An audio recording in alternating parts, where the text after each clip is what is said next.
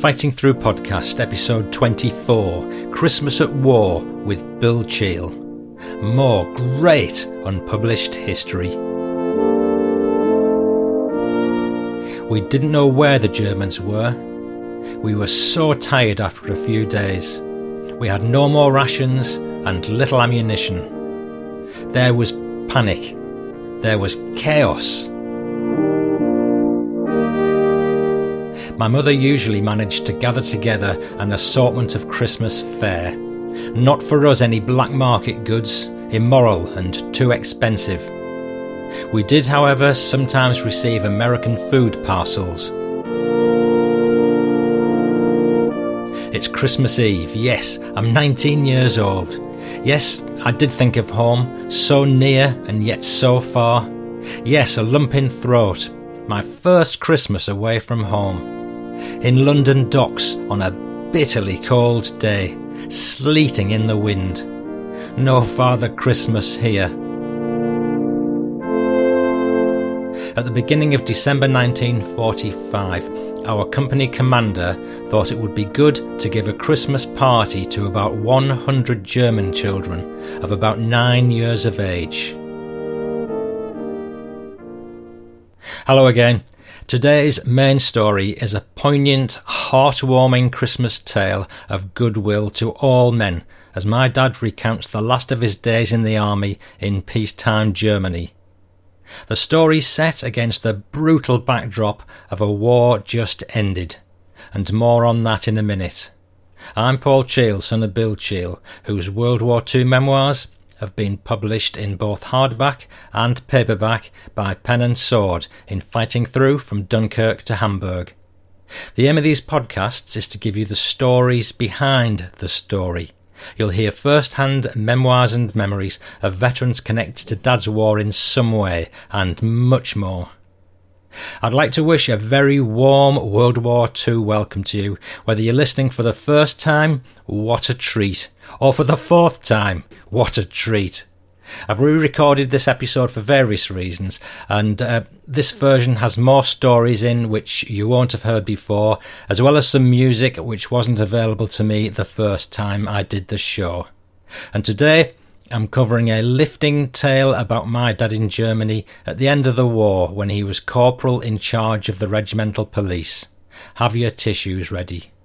I'll be telling the story behind a photo of him whilst stationed in Duisburg.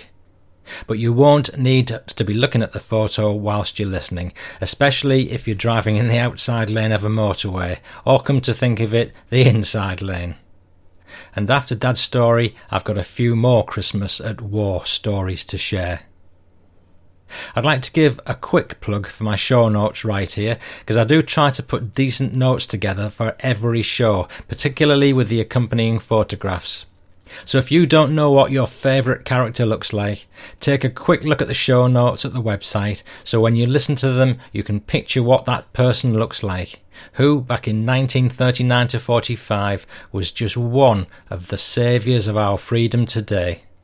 Take a shufti at Wilf Shaw, Captain Tom Woods and Fred Reynard, utter heroes of Dunkirk and Gallipoli I'm getting shivers up my spine just thinking about what these men did.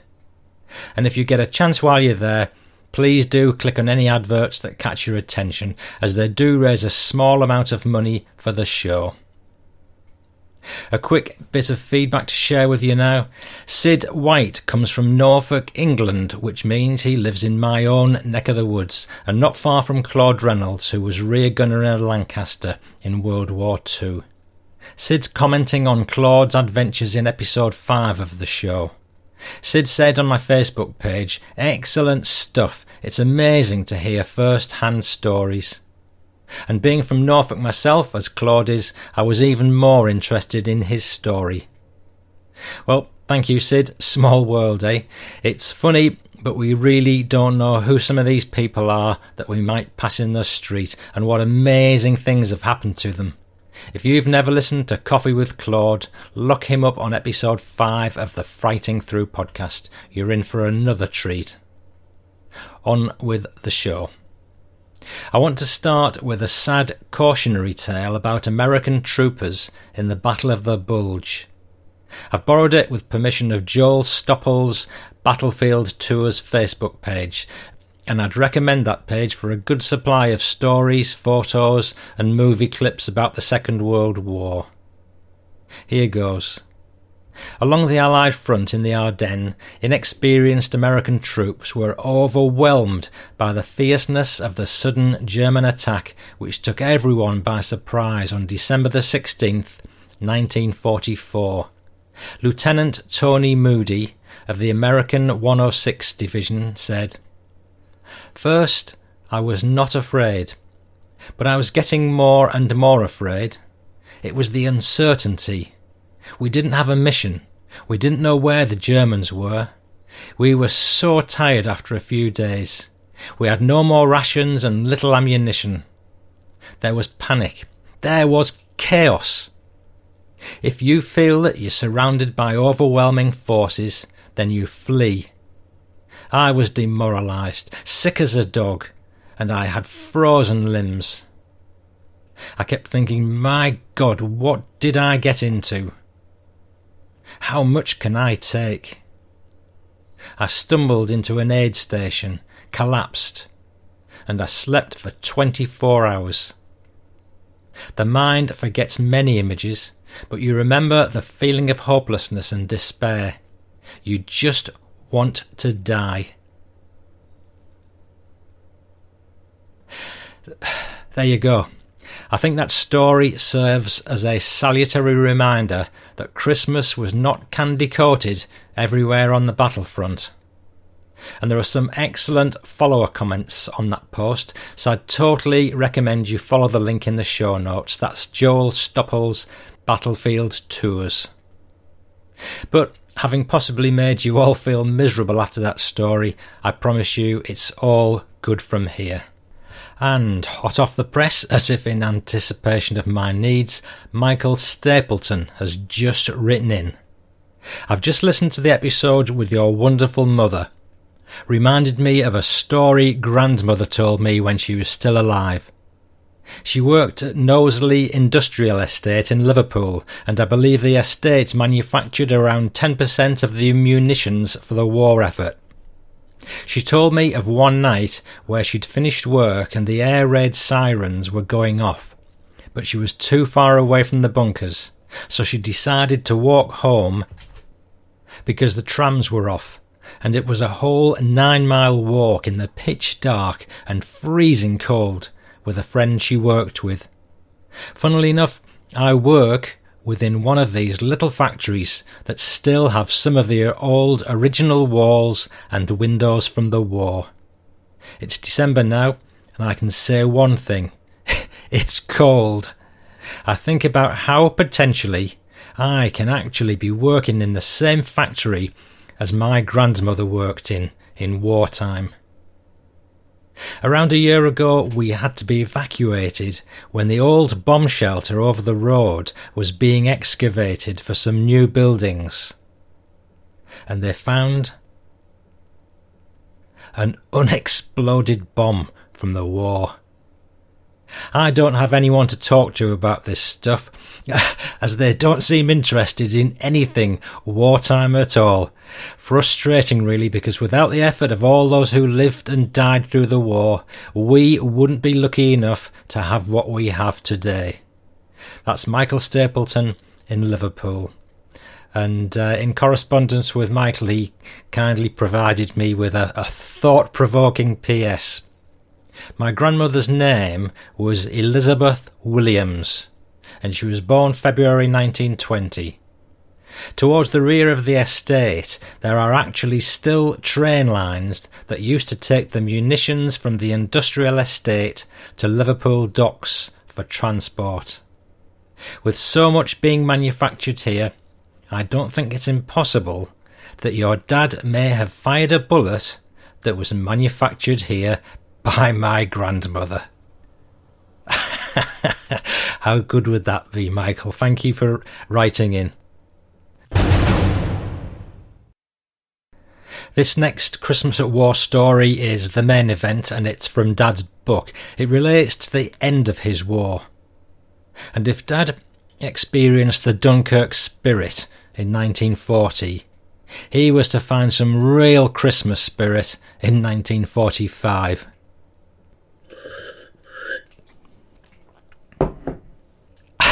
I'm just having a sip of Normandy Calvados. Join me if you can. Cheers. If you're able, nip to the Fighting Through podcast.co.uk website and you'll find a photograph of Dad um, under episode 24, and that's the scene setter for the story. And uh, you don't have to have to look at the photograph to understand the story, but it'll just add to the experience if you do. Um, the original photograph, of course, was in black and white, and have recently had it colorized by specialist Marina Amaral just for the podcast. It's December 1945. The war in Europe is over, and the Allies have occupied war torn, defeated Germany. Having been wounded during the fighting in Normandy following D Day, Dad's recovered from his wounds at Dundee in Scotland and chooses to rejoin his pals, ending up in Germany as the war comes to an end. But he's now in the East Lancs Infantry Regiment, when he left England, he thought he was going to rejoin his beloved Green Howards, but he didn't know they'd been withdrawn from battle. So Dad finds himself making new friends yet again. He's assigned to the regimental police in Headquarters Company, patrolling in this story Duisburg. During his time in Germany, he was stationed at various places and covered Hamburg, Dusseldorf, Essen, Oberhausen, and Duisburg, amongst other places. And in his memoir, Dad says, We did patrols on our motorbikes, and to be frank, it was becoming enjoyable. The days had gone when there was any possibility of resentment towards our presence. The population had suffered the first shock of defeat and were now accepting what they could not possibly have foreseen in the heyday of their country. The companies of the battalion were spread out over a large area, and it was my duty to cover that area, which involved having to cross an excellent pontoon bridge across the River Elbe at Duisburg. It was a marvellous feat of engineering, the engineers were very clever doing the work they did on the Bailey bridges. Duisburg, too, had been a prime target of the Air Force. Just picking up on that point, uh, Dad observes in his memoir that many areas of Germany had been absolutely flattened by Allied bombing. He said of Essen, for instance, they certainly got more than they'd bargained for. It pleased me enormously to see it and to remember it and it was a pity Hitler didn't live to see the results of his madness. So, moving to the photograph, I'm going to describe it now. Dad's standing on a school sports field. He's alone and he's in uniform. On his brown battle dress, he's wearing the badge of the East Lancashire Regiment. He's got a Lance Corporal's stripe on, though he's about to be promoted to full corporal in charge of the regimental police. On his right wrist is the brown leather duty brassard, which is a sort of strap that signifies he's on duty to anyone who needs to know. On his head is a huge, almost oversized brown beret, or more correctly, the General Service cap. Dad once quips about that hat. I never did like those berets. He's got the white webbing worn by the policemen, one diagonal strap and a belt that's now sitting on my desk today as I record this show. I've tried it on for size, and I'll tell you this, even though I'm pretty fit for my age, there's no way I can fasten it round my waist, so Dad must have been incredibly fit and trim. Mind you, he was way less than half my present age, so we shouldn't be too surprised.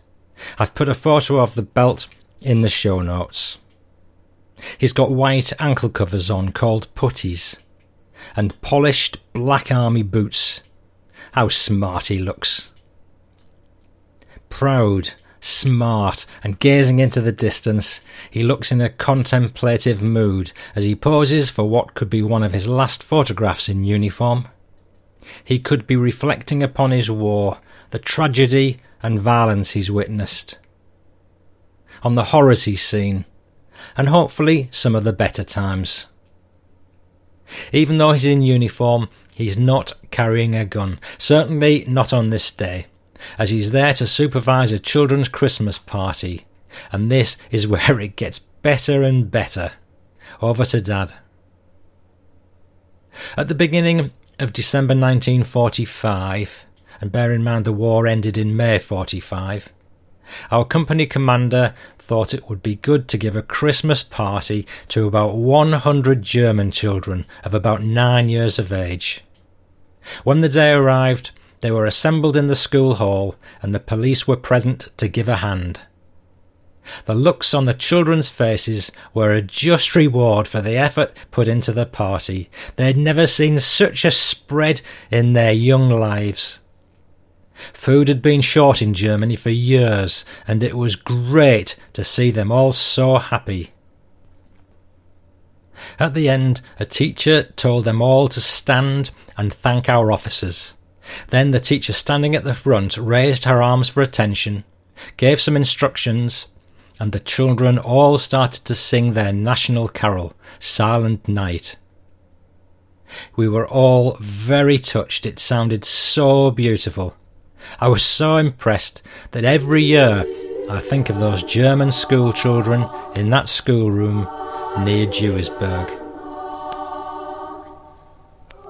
The memory's so vivid that in December 1986, 41 years after the occasion, I wrote to the Information Bureau at Duisburg telling them of my experience and asked if there was a record available of German children singing Silent Night and if they'd send it to me, letting me know how much money I should send back. They replied sending the record I'd requested with English and German words on an enclosure. It was a very kind letter which I've kept.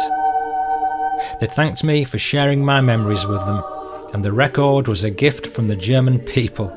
I can't express in words my feelings. Sufficient to say that every Christmas I play that record recalling that lovely day in 1945. And listener, this is indeed the actual record, crackles and all.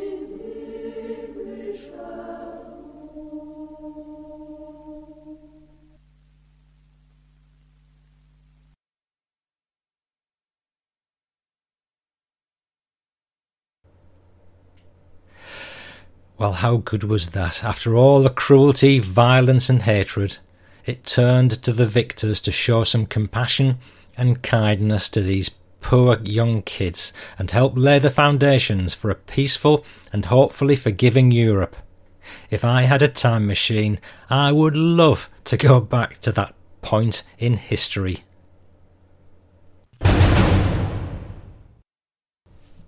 There's another photograph I'm sharing with you in the show notes. It's for regimental policemen, and it's just great because as you go from left to right, the expressions and the stance of the men changes from not many medal ribbons, but casual and smiling, to several medal ribbons, steadfast, smart, and resolute, which is which is my dad, and it's a wonderful reflection, in my view, of how the war affected people.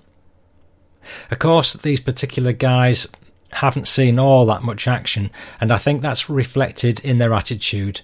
But hey, the war's over, so why wouldn't they be smiling? Take a look anyway and see what you think. I'm posting another photograph in the show notes of Dad enjoying a beer with his mates on a sunny day. Wow. There's a PS coming up, of course, but just for a moment, news of the next episode. It's uh, number 25 Rufty Hill meets Winston. And uh, the photograph that goes with the episode depicts Rufty Hill, one of Dad's comrades, clowning about with friends in a photograph booth in Limassol, Cyprus in 1941. And they've got one more distinguished and unexpected guest. Bill Vickers is another character in the photograph, and the story goes back to the start of the war, how these lads met, what special connection brought them together, and what tragedy was to befall some of them. And there are some very poignant moments in this episode, so you'll need your tissues handy again. And I'm posting the photograph on the website right now, so if you want to check it out, go to the show notes for the episode 25 at fightingthroughpodcast.co.uk. The first time I recorded this episode three years ago in 2017, I announced that I'd had nearly 100,000 downloads, which I found quite incredible. Well, would you believe that the figure in 2020 has now ballooned to over half a million and counting? So, to you, as one of my several thousand individual regular listeners, I say thank you for your continued support. Um, and I want you to know how much it means to me. Uh, as much fun as it is doing this podcast, I would not keep it up without the support that you give me. So, in December 2020, I'd like to wish you a safe, happy Christmas and a great new year. And if you're listening to this in 2120, then I include you good folks too. We seem to have all too many problems on our planet at the moment, and I'm saying this today, and I said the same thing three years ago, um, and I hope they've all been solved. Just one apology from me about the sometimes challenging sound quality of this show in a 22nd century context, but don't you know, we're only just getting over the Second World War. If you would like to make a contribution to the time and materials behind this podcast, I'd be most grateful. I expend many hours indeed on each show, so if you enjoy listening as much as you do reading your favourite paid for magazine, then please do consider sponsoring me. Monies I receive are now going to the Salvation Army. If you wish to make a small monthly payment, which can easily be cancelled at any time, go to patreon.com slash fighting through where you'll find full details. That's P-A-T-R-E on.com slash fighting through. There's a link from the homepage. Or if you just want to tip me the price of a coffee, PayPal's an option. There are links from my homepage at fightingthroughpodcast.co.uk. And no amount is too small. If I got one dollar or one pound off everyone just once, well, I'd be smiling to say the least. P.S. I've got I've got quite a few Christmas stories and another musical treat to share with you now. So put your feet up, unless you're driving, of course, and enjoy. This next tale was posted by Joyce Gibson on the BBC People's War website, and it was first written for a booklet being produced by Shout Out Alert U3A or University of the Third Age. Joyce was a founder member of uh, the U- University of the Third Age in North Down and Ards in Northern Ireland, although it's a UK wide institution. She says that U3A is a social and educational organisation for retired people who aren't satisfied with coffee mornings, etc., and are keen to get to know people and sometimes want to use their grey matter a bit more. There's a website, u3a uk, where we're told that across the UK, members are learning, staying active, and having fun in later life. It's local, social, friendly, low cost, and open to all. And it's got interest groups covering a wide range of topics and activities. There's a link in the show notes. Here's Joyce's story. On reflection, the phrase Christmas in wartime recalls scenes of deprivation, innovation, frustration, and confrontation. I'll explain. We were deprived. There's no doubt about that. Still reeling from the effects of the 1930s depression, we were ill shod, ill clad, ill furnished, and undernourished, and at no time was this more evident than at Christmas. But Christmas is Christmas, and tradition had to be adhered to. My hidebound father was adamant about that. The lead up to Christmas was exciting, probably much more exciting than it is for today's children, who have and do so much. The co op store's party sticks vividly in my mind as something very special. It happened every year for the children and grandchildren of members who received the divvy, the bonus from their loyalty scheme. Every penny counted, and my grandmother was a staunch supporter. Mind you, you might have got a few pence back, but looking back, I feel there was a certain amount of quality lacking. In those days, however, I had no such thoughts and looked forward to the jam buns and games such as musical chairs and pass the parcel all year long. I think there may even have been a small gift, but I don't remember anything notable. I think small was the operative word. Nevertheless, it was a brave effort to give us children as normal a life as possible. Talking of presents, everyone had, of course, to receive something on the day. We children got several things.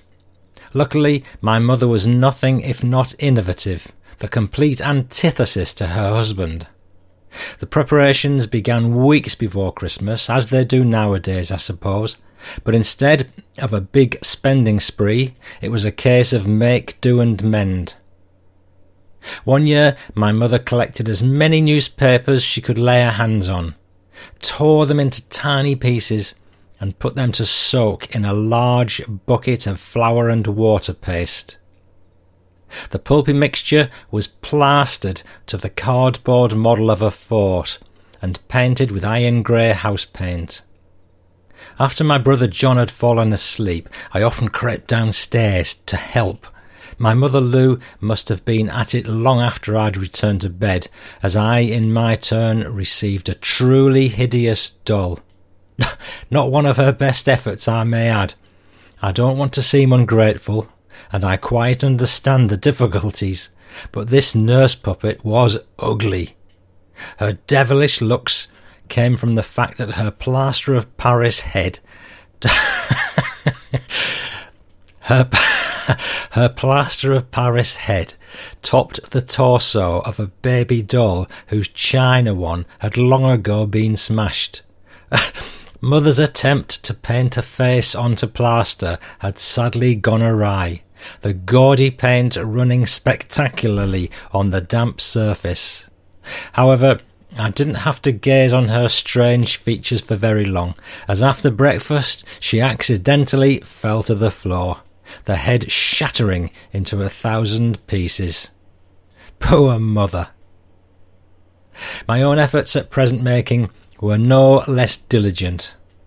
All adult male relatives and friends received a decorated tin container filled with wooden spills for lighting pipes and cigarettes. I spent hours dipping old tin cans into tubs of water on top of which floated a skin of oil paint in a fine selection of colours. The results resembled today's modern art. Females received purses made of scraps of leather punched and thonged, representing hours of agonizing toil. Craft classes organised by my wealthy aunt and her friend have made an indelible impression on me. I've never since graced one with my presence, and I doubt I ever will. That same aunt was prone to gather supplies on the black market. My brother stored many a packet of sugar cubes, her habitual Christmas present, in an old jam jar. He couldn't bring himself to eat them. There'd be none left. My mother usually managed to gather together an assortment of Christmas fare. Not for us any black market goods, immoral, and too expensive. We did, however, receive American food parcels. Our Christmas cake was made from American dried eggs and fruit covered with soya flour, serving as a mock almond paste and white icing, made with guess what? Dried milk powder. It tasted absolutely revolting, but looked nice. I remember one particular gem made by my innovative mother in the form of a house. It was square and set on a large green painted board. All around it in the garden were little Eskimos sliding on a pond like mirror, trees and Father Christmases. I don't know how she did it, but it was a true work of art. We usually had a turkey too, a real one. My patriotic but irascible father, Jack, although too old to be conscripted, had volunteered to join the Royal Marines. In charge of supplies at Scapa Flow in the Orkneys, he was usually given Christmas leave and returned home complete with a dozen eggs and a turkey. However, the arrival of this comparative stranger often caused a few problems. He had very set ideas, and Lou, not naturally domesticated, was obliged to unearth all the mothballed vegetable dishes and fancy cutlery not normally in use. She would invariably sit down at the festive table thoroughly exhausted and rather demoralized. You can imagine the scene one December the 25th, when after all this effort he asked, Where on earth did all these goodies come from? Oh, a food parcel arrived yesterday from Cuba, from Auntie Grace. And have you written to thank her? he'd ask. No amount of reasoning would placate him. His distant, aristocratic, and respected sister had not been thanked. We'd foolishly admitted it, and all hell was let loose. The bombs and shells which frequently dropped around our house seemed preferable to the domestic upset which ensued that Christmas. With the wisdom of a ten year old the following year, I attempted to avoid such incidents. I resolved to make some Christmas crackers to divert attention. I laboriously typed mottos and conundrums found in a cheap book from Woolworths, and I had great fun collecting small gifts to put inside them. There were unfortunately no bangs. My ingenuity and chemical knowledge didn't stretch that far. After our often tempestuous lunch come dinner, usually quite late in the afternoon, we'd repair to the dimly lit and scarcely heated sitting room. Army blankets, doubling up as both blackout and insulation, covered the windows, decorated by patchwork roses to take off the stark grey blankety look, and the door was hung with a large red velvet curtain to keep out the draughts. Cards from special people, usually those displaying coats of arms which pleased my father's ego, were arranged on the mantelpiece. Most of the others spread around the room were homemade, often from black and white advertising illustrations cut from the Radio Times newspaper and tinted with watercolour from the paint box. What must have been one of the first plastic Christmas trees, and a very bad one too, stood in the corner, given to my mother by a colleague at work, to cheer up the children, you know. I must have been a very precocious child, as I remember on a couple of occasions insisting that the Christmas spirit should be invoked with a carol singing session. A neighbouring lone mother and her three children were invited in to sing with us. The embarrassment on the faces of all the adults present and the excruciating sound we made have long stuck in my memory. In spite of the frequent trials and tribulations, I think of Christmas in those days so long ago with great affection. We had fun making do. Luckily, we survived, and I have never again delayed writing my thank you letters. Joyce Gibson.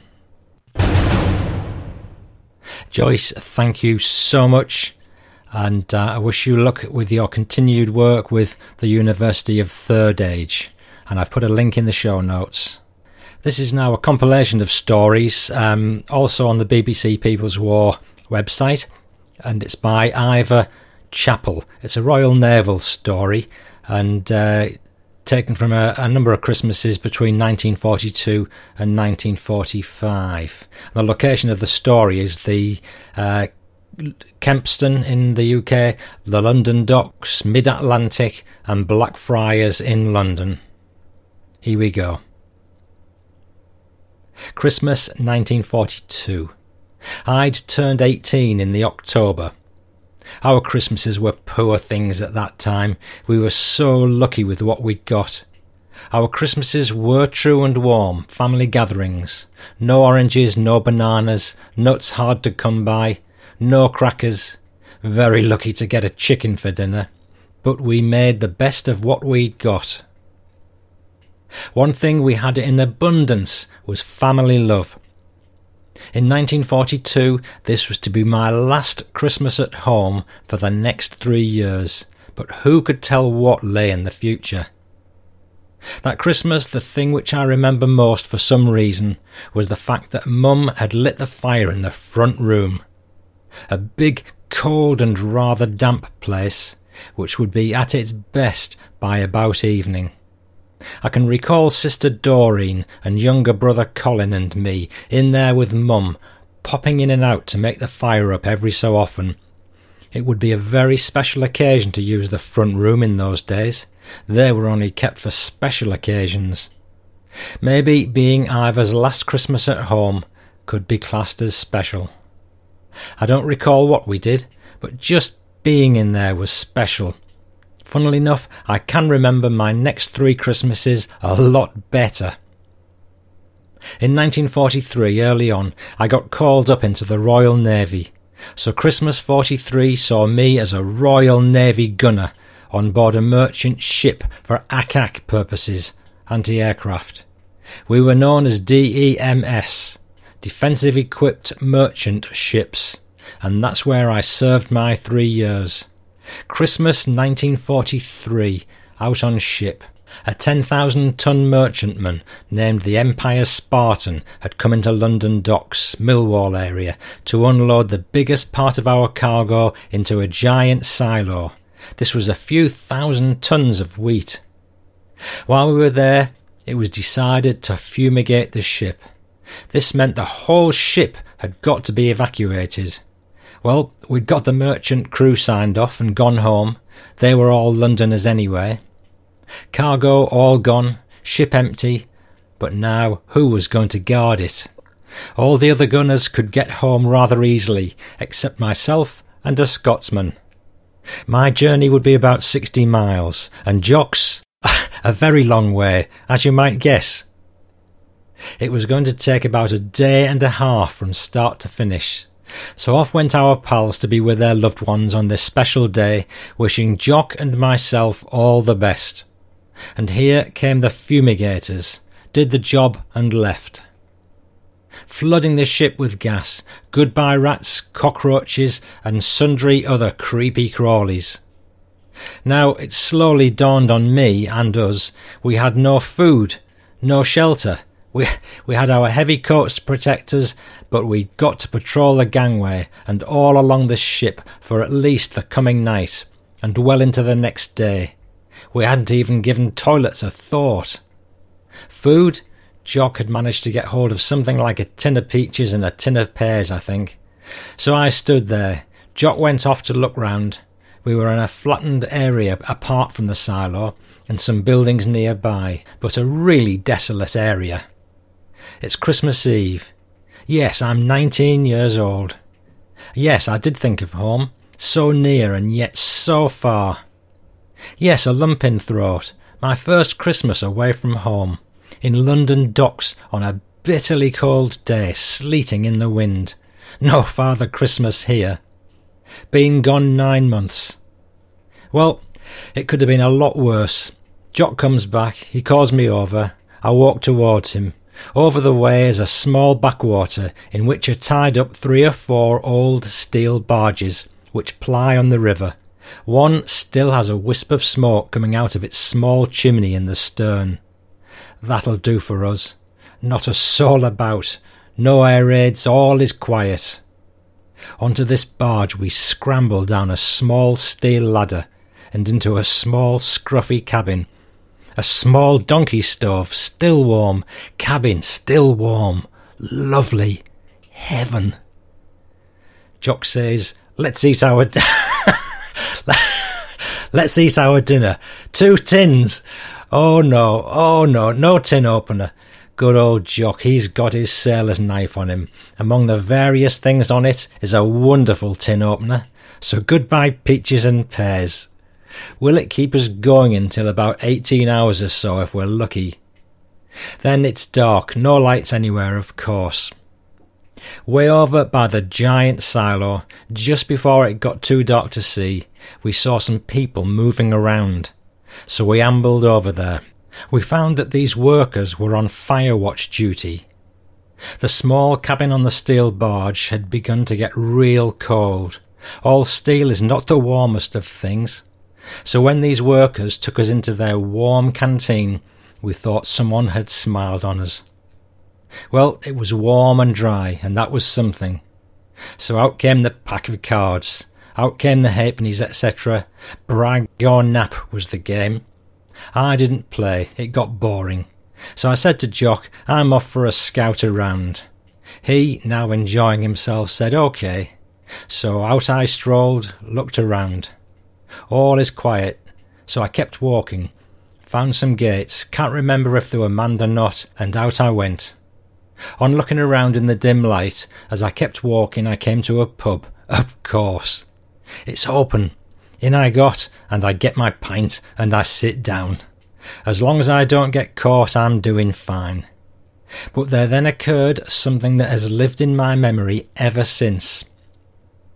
Some time later, a little old grey haired lady was sitting near me. We got chatting, and I told her my story of how I got to be there. She was very sympathetic, and she said, Are you telling me that's all you've had to eat? And it's Christmas? I said, Well, we've got to manage somehow, until tomorrow sometime. They wouldn't be coming to clear the ship until around noon, and then when we think about it, we've got to wait for the gas to clear. Oh boy, we really planned it good, didn't we? Anyway, this little old lady got to her feet. She said, You wait there, my boy. I'm just nipping out, but I'm coming back. Don't go anywhere. She must have lived nearby, for back she came in a short while and laid a package in front of me. There you are, my boy. You're looking after us. Now it's my turn to do something for you. We owe you boys a big debt that we can never repay. I felt good. I unwrapped the package. In it were some bread and cheese sandwiches. Oh boy, oh boy, her rations given to me. I can still feel it to this day. Yes, I ate them. Payment? No, never. Didn't want anything.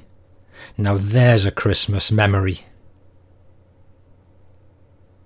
Back to the canteen once more. Check the ship. All's okay still. As I gazed all around, I thought of my Christmases past, and I thought of Christmas now, this bloody war. In the canteen, the card school was slowing down. I went over to some chairs that were lined up against the wall, managed somehow to lay full length along five or six of them, and then I fell asleep. Next thing I knew, the night shift were going home. The new day shift were in, all clean and fresh, chatting and laughing.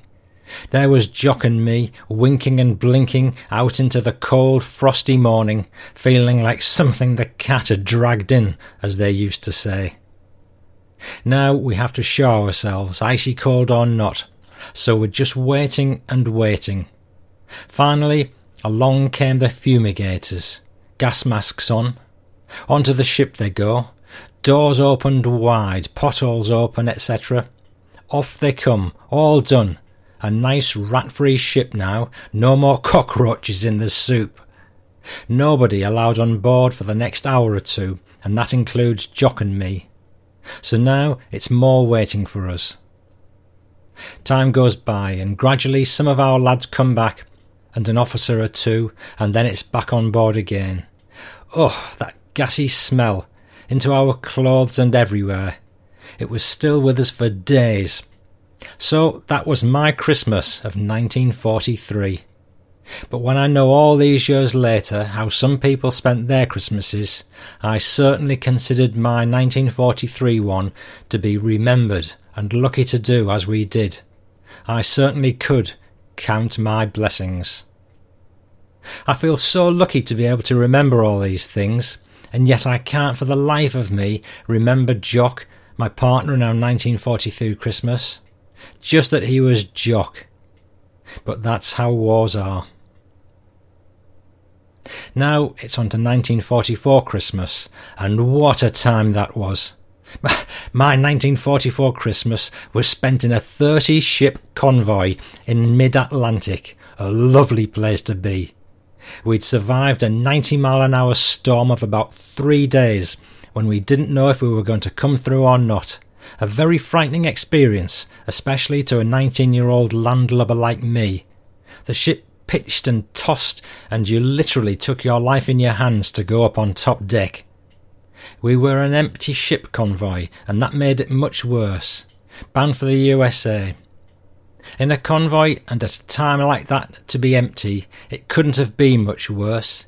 You could see half of the keels of some ships as the stern went down into the sea. But one morning, we got up, and all was more or less back to normal, the escorts were shepherding blown off their course ships back into line.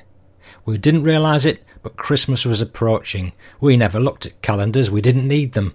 Our days and worlds were watch keeping. Eight till twelve, twelve till four, four till eight, round the clock, twenty four hours a day on the stern. In a gun pit amidships, or up on the bridge in a gun pit. That was our time and our life. Between times we slept and ate, washed our clothes and ourselves, or cleaned the guns. Somebody somewhere had, I suppose, mentioned that Christmas was getting near, but out in the Atlantic would be a bit too far for Santa Claus to come, so it would be just another day to us with our watch-keeping duties, anti-submarine watches, etc. I know I was sitting down in our quarters in the stern when someone came rattling down the steel ladder shouting, Come up on deck! Come and look at this! You'll never see anything like this ever again! We thought, What the hell is he going on about? We all scrambled up the ladder and out onto the deck. What a sight to see! He was right. Coming down between the lines of ships, was an American destroyer. But this wasn't just any old destroyer. it was garlanded in pretty decorations, all up the masts, all around the bridge, signs saying a Merry Christmas. The best bit was, and I'll never forget it, Father Christmas in full regalia, standing proud up on the bridge on a raised platform, waving his beard at us and shouting through a megaphone, Ho, ho, ho! A Merry Christmas, everyone! The icing on the cake that brought a lump to your throat was that nice and clear across the water came the sound of a choir singing Silent Night absolutely wonderful. Old hard bitten old salts just stood there, tears running down their faces. To me, that was out of this world. That was my 1944 Christmas. A few days later, we tied up alongside in New Jersey, USA, to a foot of snow and temperatures of below zero, but it was still Christmassy to us until they turned our heating off for three or four days to effect some repairs. But that's another story. So I guess we all went ashore and made hay while the sun shone, so to speak. A by the way memory, it was here that I went into a shop to stock up on underwear. The girl asked me for my waist measurement. It was at that wonderful time 32 inches. Nowadays it's best not to ask. On that Christmas day, I've got an idea we may have had chicken for dinner. I certainly don't recall any Christmas pudding. Now that's a Christmas that I've never forgotten. Now for 1945. Again, a mite different, you might say. I was then stationed at an old depot ship at Blackfriars in London on the Thames. HMS Chrysanthemum. Lovely name. My watch was stuck on board for Christmas. On Christmas Day, we all went next door onto HMS President, another old ship converted into a depot ship. Here for a beautiful breakfast and dinner as well. Us ordinary seamen were waited on by various officers and petty officers, an old tradition that for some reason was carried on over the years. The feeling was great, more happy faces, discipline relaxed, was worth waiting for. So that about concludes my four Christmases, which to me, funnily enough, as I now look back, are memories worth keeping and remembering of people and bygone days when we never knew about tomorrow.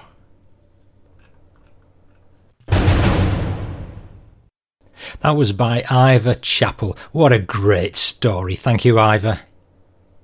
This next story is uh, by Constance Smith. It's about German prisoners of war in England in the northeast. Um, the location is in a place called Wylam in Northumberland and the story's called Christmas with the Enemy. One Christmas Sunday, they invited German prisoners of war to our chapel. They were Lutherans and had been going into our Methodist services and had been made welcome by most, if not all, of chapel's members. So we invited them to the carol concert.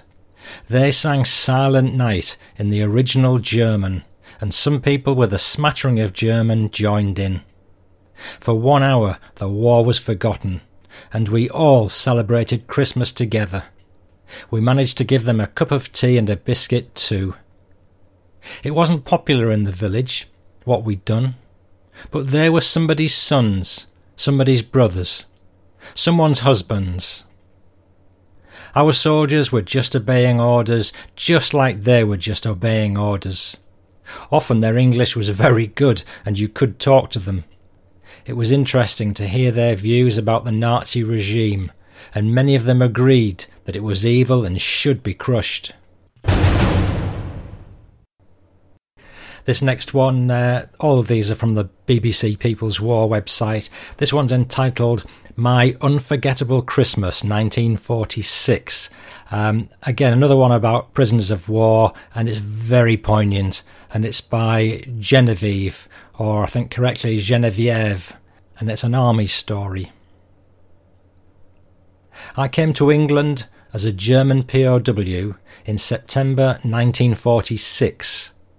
The war had finished 16 months ago, and I'd been working as a prisoner with a German workshop company in Italy for about one year. We weren't allowed to communicate with our families, but we were all eager to return home, starting a new life and helping with the reconstruction of a new Germany. Eventually, my turn came for repatriation. However, at the repatriation camp of Munsterlager in Germany, we were told that instead of going home, we were to be shipped to England to help with the harvest. I was posted to Number 9 Bomb Disposal Squadron at Huyton near Liverpool. Our job was to dig out unexploded bombs left behind from the bombings by the Luftwaffe. Although it was against the Geneva Convention to employ prisoners for such dangerous work, we didn't complain and got on with the job. After all, we were fed adequately and had a roof over our heads, whilst at the same time in Germany many people were starving and lived in squalor. A limited communication with our loved ones was allowed now, but the one thing bothering us most was the fact that the time we had to serve as prisoners was open ended. In contrast to criminal prisoners who were given a fixed sentence, we didn't know when we'd be allowed to go home. Our camp was surrounded by barbed wire and guarded by Irish guards. We left the camp only to go to the different bomb jobs to which we were transported by lorry. Civilians were not allowed to speak to us as the non fraternisation rule was still in operation. Just before Christmas, these strict measures were relaxed. We were allowed to walk within five miles of the camp and stay out till ten o'clock. British people were allowed to invite German prisoners to their homes for Christmas. The reaction was overwhelming and showed the true nature of the British people.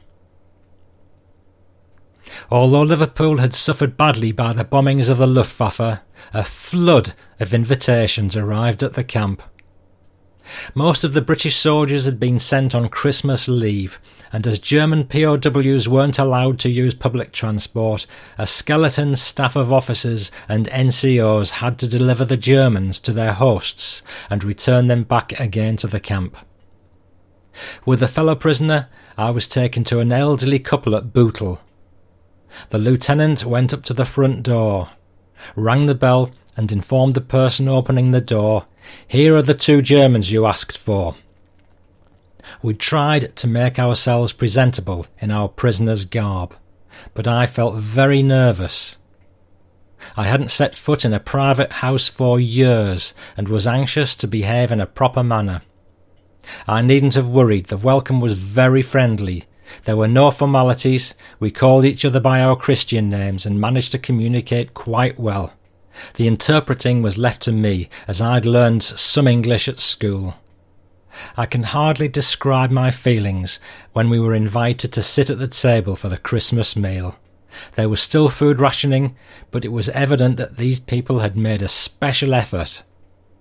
True to British custom, the master of the house was carving the turkey, and saw to it that their guests received an extra large portion.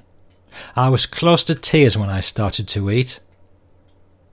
In the afternoon, a younger niece appeared to take the weight off the older people to play games with us young prisoners till late night, when we were collected for the ride back to camp.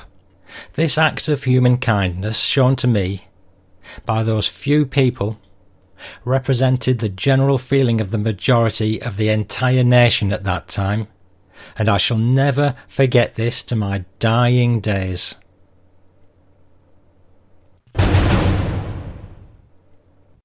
I've got one last story for you. The story of the Christmas tree. When I first recorded this episode, I'd been to see my mum in Cambridge, and on her coffee table she had a little musical Christmas tree. It's years old. Mum and Dad must have bought it in the early 1950s, probably not that long after the war had finished and I'm sure that one reason Dad would have chosen to buy it is because you can wind it up and it spins round slowly whilst playing Silent Night. I remember playing with that tree when I was a kid, lovingly decorating it and playing with the various figurines and dolls we used to keep in the Christmas box in the attic. And there's a short video of that tree in the show notes.